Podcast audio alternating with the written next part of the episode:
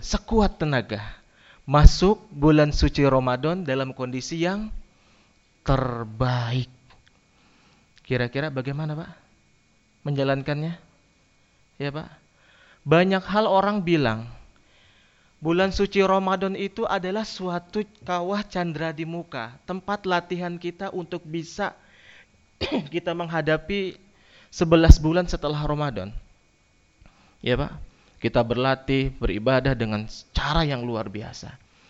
Tapi padahal yang paling utama 11 bulan yang sebelum Ramadan itu adalah tempat latihan kita untuk masuk kepada bulan Ramadan dengan secara luar biasa fisik, mental dan jiwa siap. Kira-kira Pak kalau kita latihan sebulan dibandingkan 11 bulan, siapan mana Pak? 11 bulan ya Pak ya. Ya. Akhirnya kalau kita melihat kita kita kejar luar biasa akhirnya lupa akan 11 bulan lainnya setelah Ramadan capek. Setelah 11 bulan lupa ibadah-ibadah di bulan Ramadan. Maka di bulan Sya'ban ini perbanyak amal ibadah seperti layaknya kita sudah menghadapi Ramadan. Puasa, perbanyak puasa. Banyak membaca Al-Quran, banyakin banyak baca Al-Quran. Ya. Di bulan Ramadan banyak sedekah, Sa'ban ini kita juga banyak sedekah. Ini luar biasa. Sehingga pada saat kita menghadapi bulan Ramadan, kita sudah siap luar biasa. Nggak ada katanya capek, nggak ada katanya lelah. Pada saat Qiyamul pada saat sahur, kemudian bekerja lagi kita biasa saja menghadapinya. Seperti sudah kita menghadapinya di lain sebelum bulan Ramadan. Ini luar biasa. Maka topik pada siang hari ini adalah ibadah puasa yang menyehatkan tubuh secara sempurna untuk mempersiapkan bulan suci Ramadan. Kira-kira saya pernah bahas di sini lebih baik mana, Pak? Antara perut yang kenyang dan perut yang lapar. Manfaatnya, secara manfaat bagi tubuh kita. Eh? Kok, kok masih ada yang bimbang, Pak? Sudah pernah kita kupas tuntas. Kenyang atau lapar? Lapar. Sepakat ya, Pak ya? Karena udah udah tahu. Sekarang saya tanya lagi, kenapa, Pak? Perut lapar itu bermanfaat bagi tubuh kita? Kenapa? Perut yang lapar ternyata bermanfaat bagi tubuh kita. Hari ini ada yang berpuasa? Ada yang berpuasa? Alhamdulillah puasa. Lapar? Lapar? Nikmat? Ternyata perut yang lapar luar biasa begitu banyak manfaatnya bagi tubuh kita dibandingkan perut yang kenyang. Tapi banyak orang merasakan perut kenyang itu lebih bermanfaat. Karena kalau saya nggak kenyang nggak bisa namanya kita kerja. Lemes. Betul Pak? Kalau kita nggak kenyang nggak bisa kita beraktivitas. Betul tidak? Mindsetnya harus kita rubah Pak. Ya Pak? Mindsetnya harus kita rubah. Perut yang lapar ya ternyata lebih bermanfaat bagi tubuh kita dibandingkan perut yang kenyang. Kalau perut yang kenyang kira-kira sakitnya apa? Penyakitnya apa, Pak?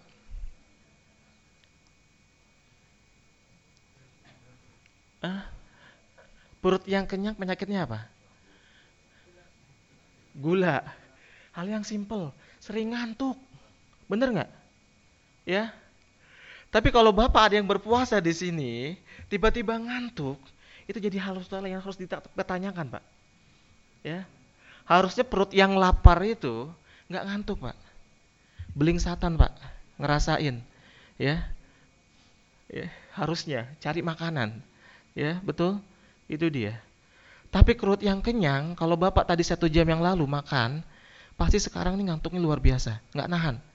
Itu dia. Karena aliran darah banyak membantu pencer proses pencernaan makanan. Sehingga aliran darah ke kepala ke, ke otak yang tinggi akan oksigen berkurang. Sehingga sehingga orang yang sering kenyang sering ngantuk. Itu dia, hal yang paling simpel. Mari kita kupas tuntas sedikit banyak. Puasa menyehatkan tubuh manusia. Dalam hadis riwayat Ibnu Sunan dan Abu Nuaim, "Summu tasihu, berpuasalah niscaya engkau sehat." Pasti sehat, nggak mungkin nggak. Saya bertanya lagi, Pak. Kira-kira ada yang menjalankan ibadah puasa puasa Daud setahun ini? Ada? Senin Kamis, Pak. Setahun ini ada? Ada. Kira-kira apa yang timbul dari puasa yang Anda lakukan? Apakah penyakit atau sehat? Yang dirasakan? Hmm? Sehat. Benar. Jangan kata saya, Pak. Eh, benar, sehat. Iya. Ternyata luar biasa bagaimana tubuh dapat beradaptasi dalam kondisi perut yang lapar. Nanti akan kita bahas tuntas. Kita bahas hadis dulu. Hadis riwayat Tobroni disebutkan, berperselanglah niscaya kamu mendapat keuntungan atau gonimah. Berpuasalah niscaya engkau sehat. Berpergilah niscaya kamu mendapat kekayaan. Di sini disebutkan, berpuasa niscaya engkau sehat. Sebelumnya yaitu berperanglah berjihad kemudian menang berperang dapat harta rampasan perang atau gonimah. Kemudian fantasiru fil art. Ayo, berpergilah niscaya kamu mendapat kekayaan, cari pekerjaan, jangan duduk selalu di masjid. Itu yang Rasulullah bilang. Puasa memang membuat kita lemah, letih, capek, tapi manfaatnya luar biasa. Kalau kalau saya menuliskan untuk menyehatkan tubuh, ini banyak sekali. Saya, saya sampai saya sampai menuliskan dan lain-lain menormalkan fungsi jantung. Bagi penyakit jantung, layaknya sering berpuasa. Mengistirahatkan hati bagi orang yang punya penyakit hati, baik hati secara fisik maupun jasmani, sehat luar biasa dengan cara berpuasa. Kenapa, Pak? Orang yang berpuasa hati, tubuh, organ hatinya sehat, jas, fisik jasmaninya sehat. Karena ibadah puasa itu adalah hal yang sangat komprehensif. Jelas Pak? Kita ibadah puasa itu adalah ibadah yang paling panjang. Yaitu 14 jam kurang lebih. Kalau kita sholat 10 atau 5 menit kita sholat. Ya, kita fokus kepada Allah. Tapi puasa dalam 14 jam kita fokus kepada Allah. Betul tidak Pak? Kita jaga mata ini, kita jaga pendengaran ini, kita jaga mulut kita. Karena secara naluri kita sudah mengazamkan, kita sudah meniatkan pada saat ini saya sedang berpuasa. Maka dijaga itu Pak. Setiap perbuatan, perkataan dan lain-lain hal adalah ibadah yang sangat komprehensif dibanding, dibandingkan ibadah yang lain. Luar biasa membakar lemak di bawah kulit, memfungsikan cadangan protein, merangsang hormon, mengistirahatkan organ pencernaan, mengobati penyakit, penyakit apa pun dapat terobati dengan ini, ibadah puasa. Menghilangkan endapan racun di dalam tubuh, menyehatkan fungsi ginjal, mencerdaskan otak manusia. Ternyata dengan ibadah puasa. Seorang dokter pada zaman Rasul ya, yang bernama Kharis bin Haldan mengatakan lambung adalah rumah, penyakit dan puasa adalah pangkal segala obat. Orang Islam hidup bukan untuk makan, melainkan hidup untuk beribadah kepada Allah Subhanahu wa taala. Dan ada riwayat pada saat Rasulullah di Madinah, ada seorang tabib yang bekerja selama dua tahun yang dikirim oleh Raja Mesir. Kemudian Tobib itu pulang. Kemudian ditanya oleh Raja Mesir, Wahai Tobib, kenapa Anda pulang? Padahal saya sudah suruh Anda untuk bekerja selamanya di Madinah sebagai rasa solidaritas saya kepada Rasulullah Nabi Muhammad SAW. Tabib itu bilang, selama saya dua tahun praktek di Madinah, pada saat itu ada ribuan orang. Kalau kita baca Syirah Nabawiyah, pada saat Rasulullah hijrah. Ada ribuan orang di Madinah. Bukan satu, dua, atau puluhan orang. Atau ratusan orang. Ternyata setelah dua tahun praktek, tidak ada satupun orang yang sakit. Resepnya apa? kira-kira mengapa tidak ada orang yang sakit pada saat Rasulullah hijrah di Madinah, pada saat Rasulullah di Madinah. Ternyata hadis riwayat Abu Dawud, kami kaum yang tidak makan sehingga merasa pada pada makan pada saat lapar dan berhenti sebelum kenyang. Ini dia. Ya, Pak. Jadi makanlah kita pada saat perut yang lapar berhenti sebelum kenyang. Ini. Hadis riwayat Tabrani, lambung bermasalah maka semua organ tubuh akan bermasalah. Kira-kira Pak, merasakan kalau lambung kita sakit, ini semua semua jasmani kita akan fisik kita akan bermasalah. Sakit kepala, ya, kemudian nyeri perut, sering gangguan, sering katanya masuk angin, pegel-pegel, ya. Ini dia. Terus kemudian banyak lain hal. Kalau lambung bermasalah sudah, sering sendawa, mual, muntah dan terus menerus sampai yang ditakutkan yaitu GERD ya penyakit lambung yang bermasalah luar biasa. Yang dapat katanya membunuh orang GERD ya. Karena lambung bermasalah. Hadis riwayat Bukhari Muslim orang beriman makan dalam satu usus sedangkan orang kafir makan dalam tujuh usus. Perbedaan orang beriman dengan orang kafir ternyata dilihat dari makannya. Hadis riwayat Bukhari Muslim di sini kalau orang beriman, makannya seadanya, secukupnya. Maka tingkatan makan itu ada tiga. Pertama tingkatan kifayah, yaitu kita makan tidak boleh lebih dari sepertiga lambung kita. Karena sepertiga lambung kita adalah makanan, yang kedua sepertiga lambung untuk minum, dan sepertiga lambung kita lagi untuk udara atau gas. Itu dia. Kemudian, kalau bisa kita mencapai tingkatan kifayah. Ya Pak? Tingkatan fardu, mohon maaf. Yaitu makan hanya sekedar menegakkan tulang punggung semata. Sanggup Pak? Makan hanya untuk menegakkan tulang punggung semata. Kira-kira batasannya sebatas apa Pak? Kira-kira. Makan hanya sekedar menegakkan tulang punggung semata. Kira-kira makan cukup sekali dalam sehari Pak. Cukup ya selebihnya buah sayur aja. Ya itu yang kita makan. Dan jangan sampai kita ketingkatan fudlah melebihi batas. Yaitu melebihi dari sepertiga lambung kita makan. Itu dia.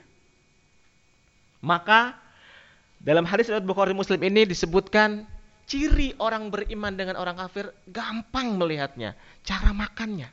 Itu dia Kemudian hadis riwayat Tobroni, lambung atau perut adalah kolam tubuh. Urat-urat seluruhnya bermuara kepadanya.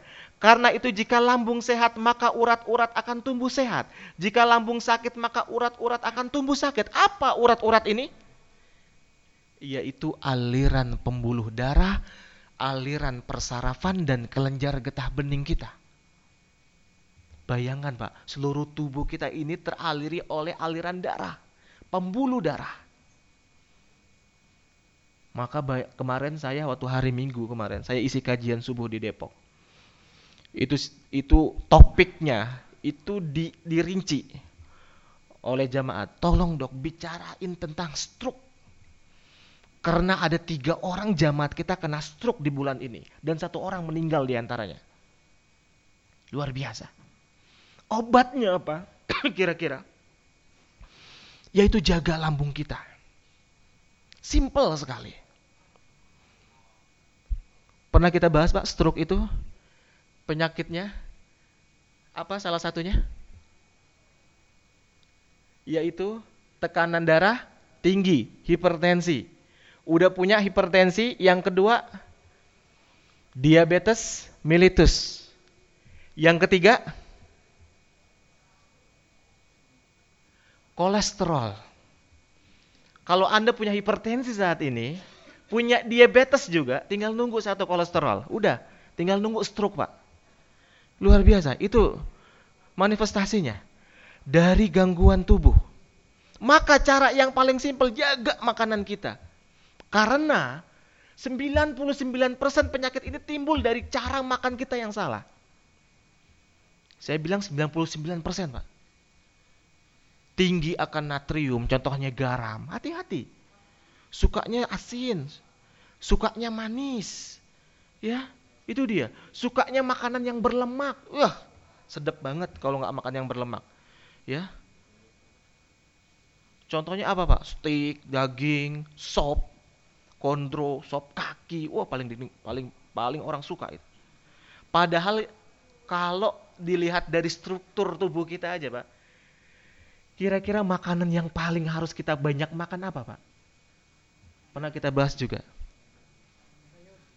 Ya? Sayur mayur. Dilihat dari apa, Pak? Kenapa sayur mayur? Hah? Dilihat dari apa? Iya, struktur gigi gigi kita, Pak. Gigi gigi, gigi kita ini ada 32 jumlahnya, Pak. Taringnya itu cuma 4, Pak. Ya, Pak. Kalau macan itu taring semua. Ya. Maka makannya daging karnivora. Tapi gigi kita cuma 4 taringnya, Pak. Nggak kayak macan. Selebihnya geraham dan gigi seri. Ya. Kalau 32 4 4 buah itu berapa persen, Pak? Ya. Nggak lebih dari 2 atau 3 persen. Betul? Ya. Maka kita makan daging nggak boleh lebih dari 5 persen, Pak, atau 4 persen. Dari makanan kita. Selebihnya sayur buah. Kalau sapi, ya itu geraham semua giginya, Pak. Maka makanannya rumput, sayur. Itu dia, nggak bakal nggak bakal dia makan daging. Ya, itu dia. Struktur gigi, hal yang paling simpel. Ya, kita lihat. Kita lanjutkan hadis hadis riwayat Ibnu Majah, segala sesuatu ada zakatnya dan zakat tubuh adalah puasa. Bayangkan. Kalau kita sarapan jam berapa, Pak? Kira-kira? Jam 7. Makan siang? Jam 12. Coffee break? Jam 9 atau jam 10. Nanti coffee break lagi jam 3. Makan malam jam 6. Pulang dari rumah makan lagi, nggak enak sama istri, udah masakin. Ya, Pak? Kapan kira-kira lambung kita beristirahat? Padahal ya, Pak, lambung kita itu capek, Pak sebentar-bentar diisi makan, sebentar-bentar diisi makan. Maka kalau kita puasa, lambung lambung kita tuh paling senang tuh. Dia teriak. Alhamdulillah senang sekali. Nggak diajak kerja terus. Itu dia. Maka kalau kita makan jam 7, kita makan lagi jam berapa, Pak? Jam 2. Ternyata jam 15, Pak. Jam 3. Ya, dari pro, dari kita makan sampai makan berikutnya harus 8 jam. Jelas, Pak? 8 jam. Karena proses makan kita itu panjang sekali. Jelas? Ini kita lihat, Pak. Dari mulut masuk ke dalam kerongkongan, ya, masuk ke dalam lambung, masuk ke dalam dua denum, masuk ke dalam usus alus, ya, yang panjangnya 10 sampai 15 meter, Pak. Kemudian masuk ke dalam rektum atau usus besar ya ascenden, descenden, ya transversum, baru dibuang. Panjang sekali proses makan kita. Maka sebaiknya kita makan itu 8 jam, Pak, baru makan lagi. Ya. Jangan ngemil terus. Bahaya. Kalau bisa cemilannya yang sehat antara sayur dan buah-buahan. Ini gambaran daripada isi lambung kita. Kalau saya ikut operasi laparotomi itu kurang lebih 10 sampai 12 jam, Pak. Panjang banget. Lama banget. Ya. Proses operasi laparotomi yaitu buka ya seluruh isi dalaman usus. Pada pasien atau orang yang terkena tusukan ya, tusukan pisau ataupun terkena peluru di perutnya. Ya. Itu di black dibuka kemudian di, diangkat ini semeja ini full isi usus kalau dikeluarkan. Disemprot dengan cairan steril kemudian dicari pendarahannya. Setelah itu ditahu kita ketahui isi apa terjadi proses pendarahan baru kita jahit satu persatu. Kalau ada yang satu yang bolong atau bocor, bahaya sekali. Terjadi septikemia. Infeksi pada usus, kemudian menjalar ke seluruh tubuh, terutama bagian perut, masuk ke dalam otak, meninggal dunia, koma. Itu dia. Maka hati-hati. Juga bisa terjadi gangguan lambung yang kronis, akhirnya ususnya bolong. Hati-hati. Ini dia. Ini gambaran daripada lambung kita, ya. Bergurat-gurat ya letak lambungnya itu di sini ini dilihat potongannya secara empiris ya lambung kita itu bergurat-gurat dia berkelok-kelok ada ada ada ada kelokannya ya ada paritnya lama kelamaan kalau diisi oleh makanan-makanan yang salah maka lambung kita itu akan tergerus. Ya akan rusak. Ya akan menipis. Kira-kira makanan apa Pak yang menjadi terjadi gangguan lambung? Asam, apa lagi Pak? Pedas, soda, apa lagi? Santan, susu, kopi, ya, mie instan, ya, hati-hati, ya, susu dan, dan golongannya Pak, turunannya, entah itu es krim, coklat, mayones, ya, yogurt. Wah, banyak banget. Makan apa dong? Ya. Ya, bingung. Ya. Belum lagi santan, nasi uduk, lontong sayur, apalagi Pak, gulai, rendang, ya, kolak, ya, luar biasa. Hati-hati. Ya. Itu yang menimbulkan terjadinya asam lambung semakin meningkat. Padahal lambung kita adalah organ yang sangat asam. Tahu Pak, asam di lambung kita ini berapa pH-nya? Itu antara 1 dan 2 Pak pH-nya. Kalau kita buat asam setingkat pH 1 atau 2 itu bisa menghancurkan besi. Tapi di lambung kita subhanallah ada dengan pH yang sekecil itu. Sangat asam. Luar biasa maka jangan dikasih asam lagi. Harus kasih makanan yang bersifat basah. Sayur, buah, air putih. Minumnya jangan kopi terus. Teh terus, susu terus, ya. Yang berwarna terus. Padahal yang paling sehat ternyata air putih atau air madu. Luar biasa. Ini terjadi gangguan, kerusakan seperti gastritis. Mengalami luka seperti ini, ada kemerahan, meradang, ya. Tidak terobati akan menimbulkan ulcus pepticum. Ini esofagitis terjadi gambaran peradangan pada esofagus. Ini bukan hanya dari makanan saja yang kita konsumsi yang salah, tapi cara makan kita. Hati-hati. Kita makan sambil berdiri, ya, minum sambil berdiri. Bahkan kita makan minum sambil berlari saat ini, Pak. Ngejar MRT, ngejar busway, ya. Hati-hati, takut telat, ya. Pergi ke kantor takut telat, tapi ke masjid telat biasa aja, Pak. Makanya orang yang sering men menepatkan waktu sholatnya tepat waktu sebelum azan nggak mungkin telat ke kantor ataupun tempat lain. Insya Allah, itu dia gastritis. Ini ulcus pepticum. Gambaran lambung berisi darah dan nanah. Akibat gastritis tidak terobati. Dia tidak bisa sama sekali minum, walaupun seteguk saja. Muntah langsung, reflux. Apalagi makan. Makan dan minumnya pakai selang, lewat mulut, lewat hidung. Selang masuk. Dan makanan itu adalah makanan yang dicairkan. Ya, tidak lagi bisa menikmati yang namanya nikmatnya nasi, ya pakai kuah sop, soto ataupun yang lain. Luar biasa. Ini ulcus pepticum yang sudah mengeluarkan nanah dan darah. Kalau dia mengeluarkan darah lewat mulut, dia berwarna kemerahan. Tapi kalau di, dikeluarkan lewat, mohon maaf, buang air besar, dia berwarna hitam. Seperti dempul. Jadi sangat jelas ya Pak, kalau ada ada orang yang buang air besar berwarna hitam, itu jelas terjadi perdarahan di lambung. Terjadi darah terkena kontak dengan asam lambung. Dia berwarna hitam. Jelas?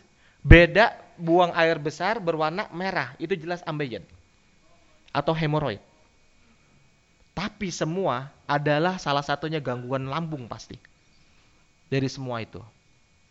Ini lambung kita, duodenum, usus halus, panjang sekali. Usus halus apa fungsinya? Ada mengeluarkan beberapa enzim, enzim tripsin, amilase dan lipase. Tripsin mengubah asam amino, amilase mengubah karbohidrat menjadi gula, lipase mengubah lemak menjadi lemak, asam lemak dan gliserol. Ya. Pernah lihat gambaran bagan ini, Pak? Pernah lihat? Pernah ya? Kita bahas tuntas ya. Ya. Mungkin dulu waktu saya masih isi kajian di Gerah XL ya dulu kita kupas tuntas di sini. Ini proses apa, Pak? Proses pada saat kita lapar di sini. Maka gula darah itu kurang dari 5 milimol per liter darah kita. Kemudian untuk mengaktifkan agar terjadinya ya, mengembalikan 5 milimol lagi akan terjadi proses salah satunya glikoneogenesis. Tahu Pak gambaran pankreas kita? Ya. Ini kan saya perlihatkan gambaran pankreas. Oh, enggak ada. Pankreas itu pankreas kita itu terbagi akan dua. Yaitu sel alfa dan sel beta. Sel beta menghasilkan apa kira-kira Pak pada pankreas? Menghasilkan insulin. Jelas? Insulin gunanya untuk apa? Pada saat kita dia mengambil gula ya pada saat kita makan dihasilkan gula kemudian masuk ke dalam otot itu guna insulin kemudian kita banyak makan banyak makan insulin sel beta pada pankreas menghasilkan insulin menghasilkan insulin menghasilkan insulin akhirnya lama-lama capek pak organ pankreas sel betanya jelas pak pada saat dia capek lelah dia tidak mengeluarkan insulin lagi disebut dengan penyakit apa diabetes mellitus tapi ternyata kita punya organ pankreas ini yaitu sel alfa menghasilkan glukagon. Jelas? Glukagon ini mengaktifkan proses glikoneogenesis yang mengubah cadangan gula di hati kita untuk diambil. Kira-kira energinya sebatas apa, Pak? Cadangan gula di hati? Seperti layaknya kita mengkonsumsi tujuh piring nasi. Luar biasa. Sanggup makan tujuh piring nasi? Sanggup?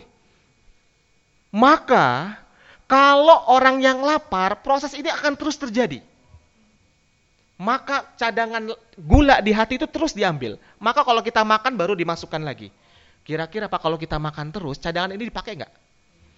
Nggak dipakai, akhirnya dia rusak jadi penyakit, mengganggu metabolisme. Itu dia.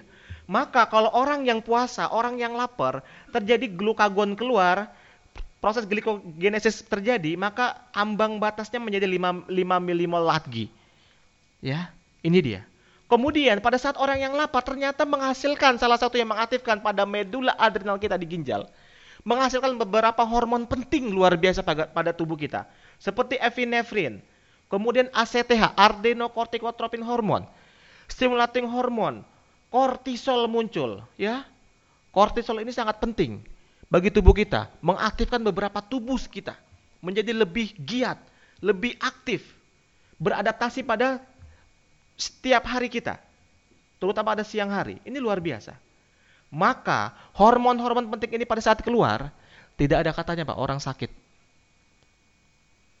Sampai saya ditanya, dok, kira-kira orang cara yang paling simpel menyuburkan ya seorang wanita yang nggak hamil-hamil kira-kira apa? Salah satunya mengaktifkan ini. STH. Caranya apa? Puasa. Perbanyak puasa. Jelas Pak? Kemudian ACTH terdapat growth hormone.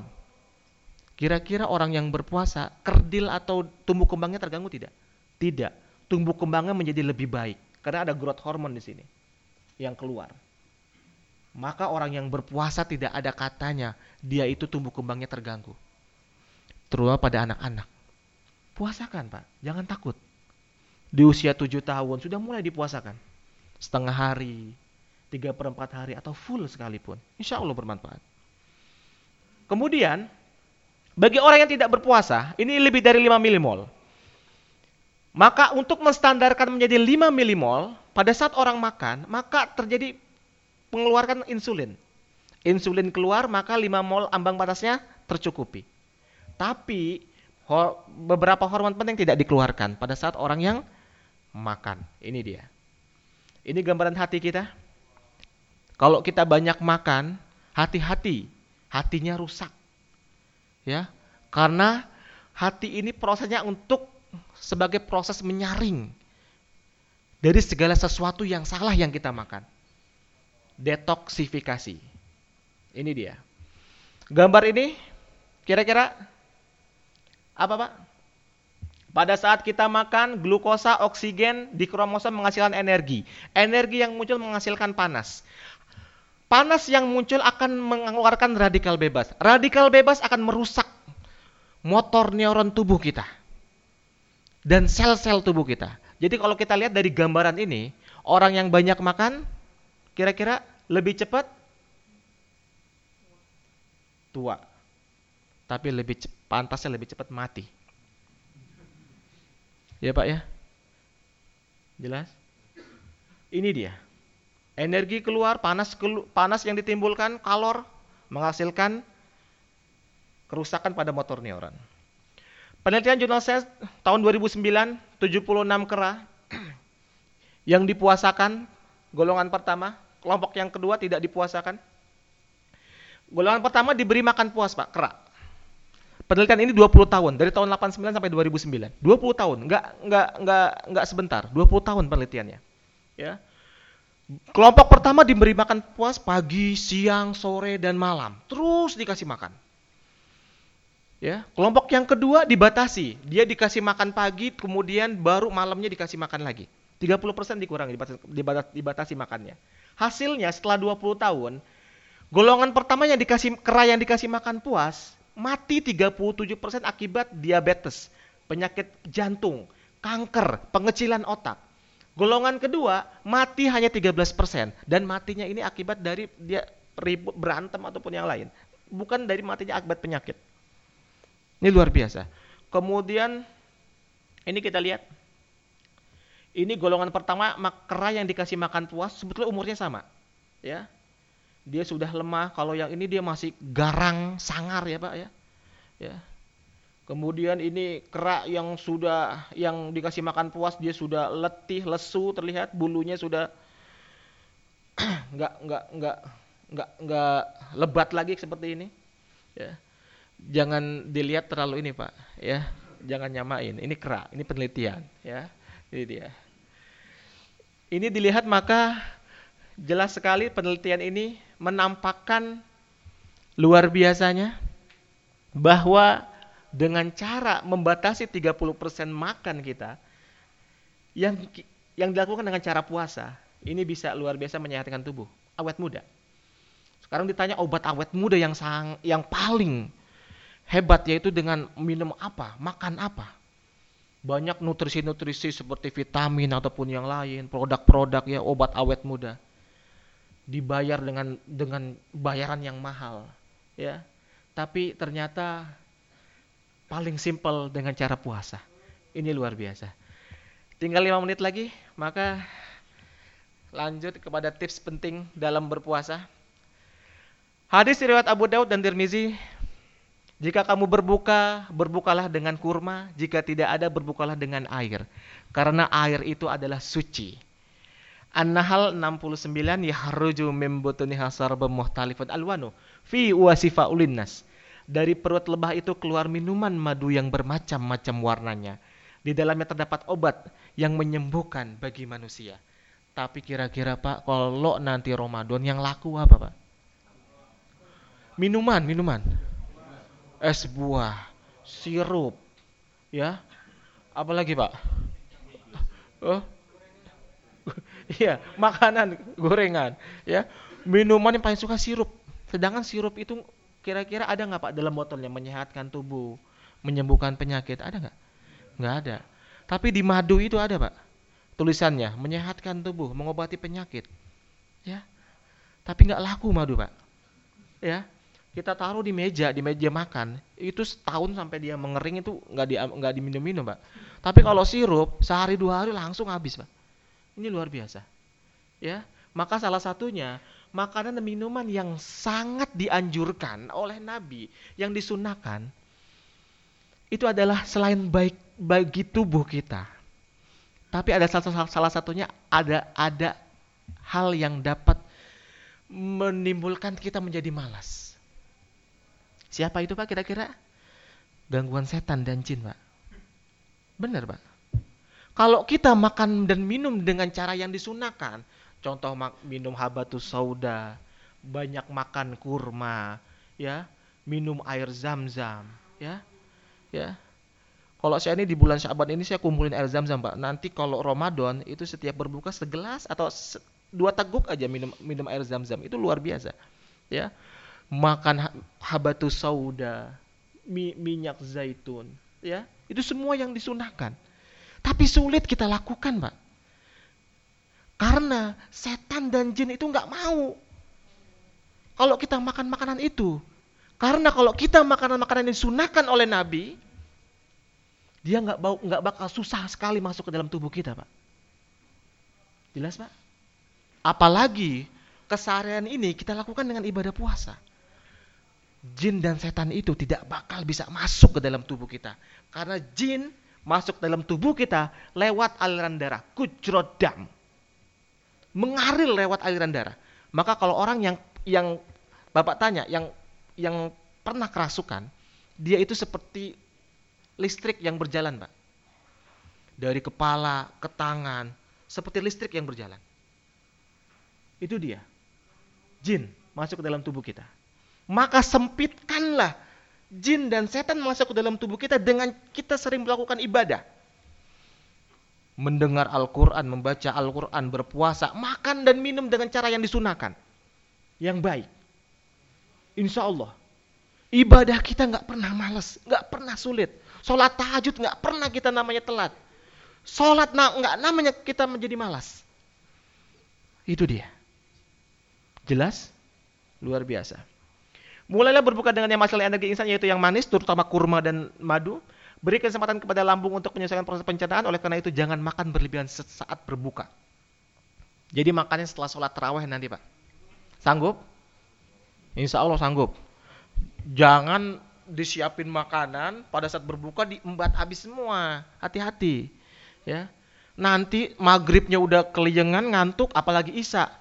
Ya Pak, akhirnya nyari mana yang paling terawihnya paling paling ini cepet. Itu paling baru ya paling banyak di ini. Hindari makanan yang dingin asam pedas dan bersantan karena dapat merangsang asam lambung keluar lebih banyak. Perbanyak makanan yang mengandung serat tinggi terutama sayur dan buah. Kurangi makanan yang mengandung lemak supaya deposit lemak yang terjadi dapat dipecah. Dan makan jangan lebih dari sepertiga lambung kita. Mohon maaf tinggal dua menit satu menit. Ada pertanyaan? Silakan. Ya silakan pak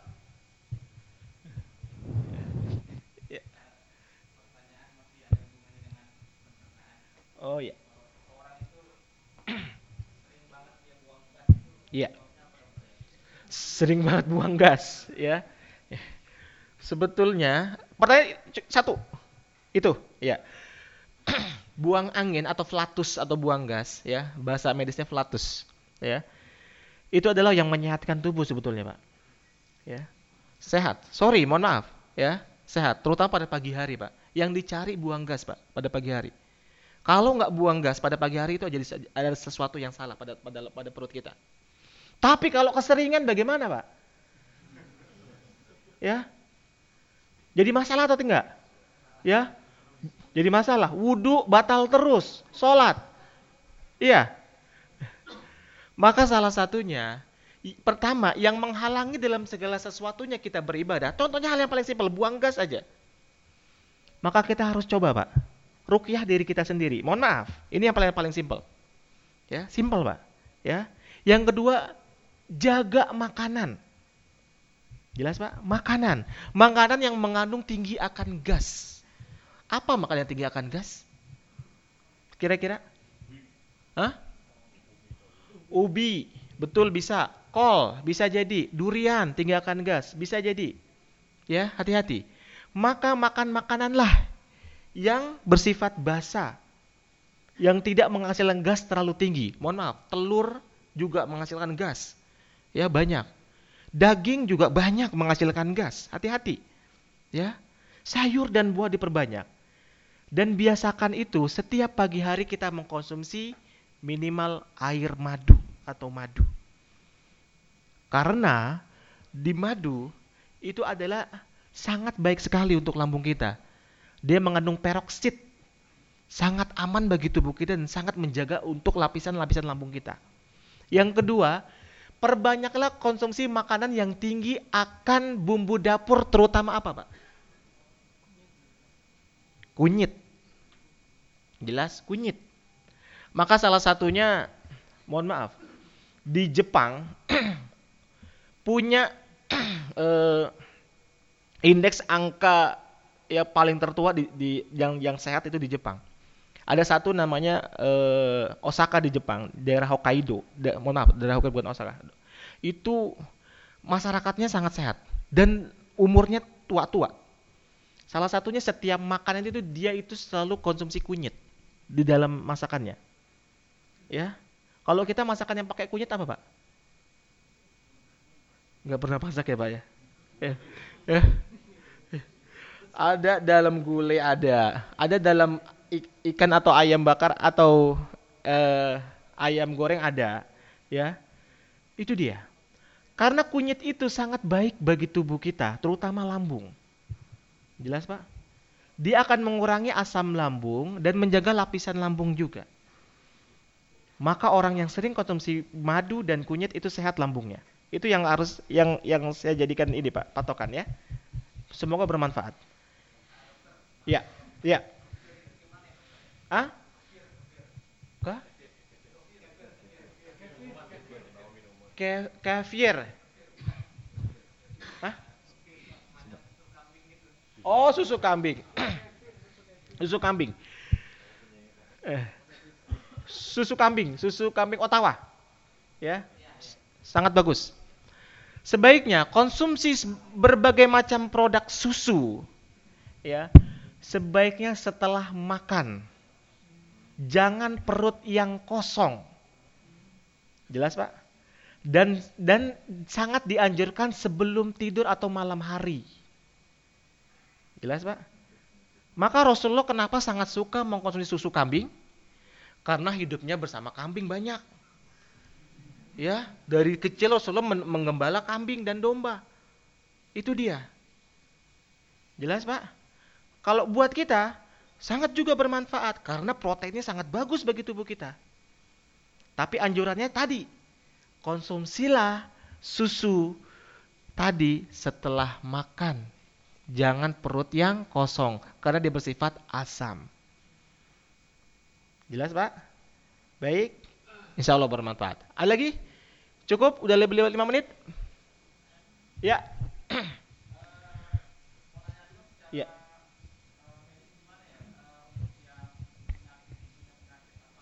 Hmm? Hmm? Ya. Ya. Banyak orang yang bertanya, Apakah saya sanggup menjalankan ibadah puasa? Padahal kalau saya tidak terisi makanan aja perut saya sakit. Perih. Bagaimana puasa? Akhirnya dia ambil tuh hal yang paling simpel. Ya, dia bayar fidyah. Ya, itu dia. Atau menggantikan di, di, di hari yang lain pada saat dia enak badannya. Nggak bisa begitu, Pak. Ternyata dengan berpuasa bisa menyembuhkan penyakit lambung, bahkan penyakit lambung yang sangat kronis. Kenapa kira-kira Pak? Pernah kita bahas di sini? Kenapa? Yaitu mindset, niat kita. Coba pada saat ini Bapak tidak berpuasa, siapa yang nggak berpuasa Pak? ini mikirin nih Pak, di, di bawah ada ikan bakar, ada sate, ada apa, kita lihat. Ini asam lambung akan meningkat nih Pak. Bahaya Pak. Kalau sudah meningkat ini asam lambung meningkat tiga kali lipat, maka laparnya luar biasa. Tapi kalau yang berpuasa saat ini, siapa yang berpuasa saat ini? Dia dia lihat TV ada ada wisata kuliner, ada ada dilihat dari hidangan-hidangan. Dia lewat warung nasi, ada bau sate, ada bau sop, ada uh yang sangat menikmat. Dia biasa aja. Asam lambung dan air liur tidak begitu banyak keluar. Jelas? Jadi, orang yang punya penyakit lambung dengan menjaga asam lambungnya tidak meningkat, itu bisa sehat, bisa sembuh. Jelas, Pak? Maka salah satunya dengan puasa. Tapi akan jadi masalah, Pak. Banyak orang yang berpuasa terjadi gangguan setelah asar, Pak. Kenapa, Pak? Setelah asar. Hah? Hah? Benar. Setelah asar itu buka pakai apa? Nanti udah nggak karuan tuh, Pak. Ya, puasanya tuh. Oh, enak pakai es buah, pakai pakai nasi bakar, pakai ikan bakar. Udah tuh, ganggu, terganggu tuh. Ya. Makanya pada saat setelah asar kita tilawah banyak baca Quran, Pak. Jangan mikirin, Pak. Kita buka pakai apa? Ya. Itu jelas, Pak? Baik. Sembuh penyakit lambungnya dengan puasa. Cukup, insya Allah bermanfaat pertemuan kita pada siang hari ini. Mohon maaf atas segala tutur kata saya yang salah karena saya sebagai manusia biasa tempatnya dosa. Yang benar hanya dari Allah Subhanahu wa taala. Mari kita tutup dengan doa kepada tulis subhanaka asyhadu an la ilaha anta astaghfiruka wa atubu ilaik. Wa bi taufiq Assalamualaikum warahmatullahi wabarakatuh.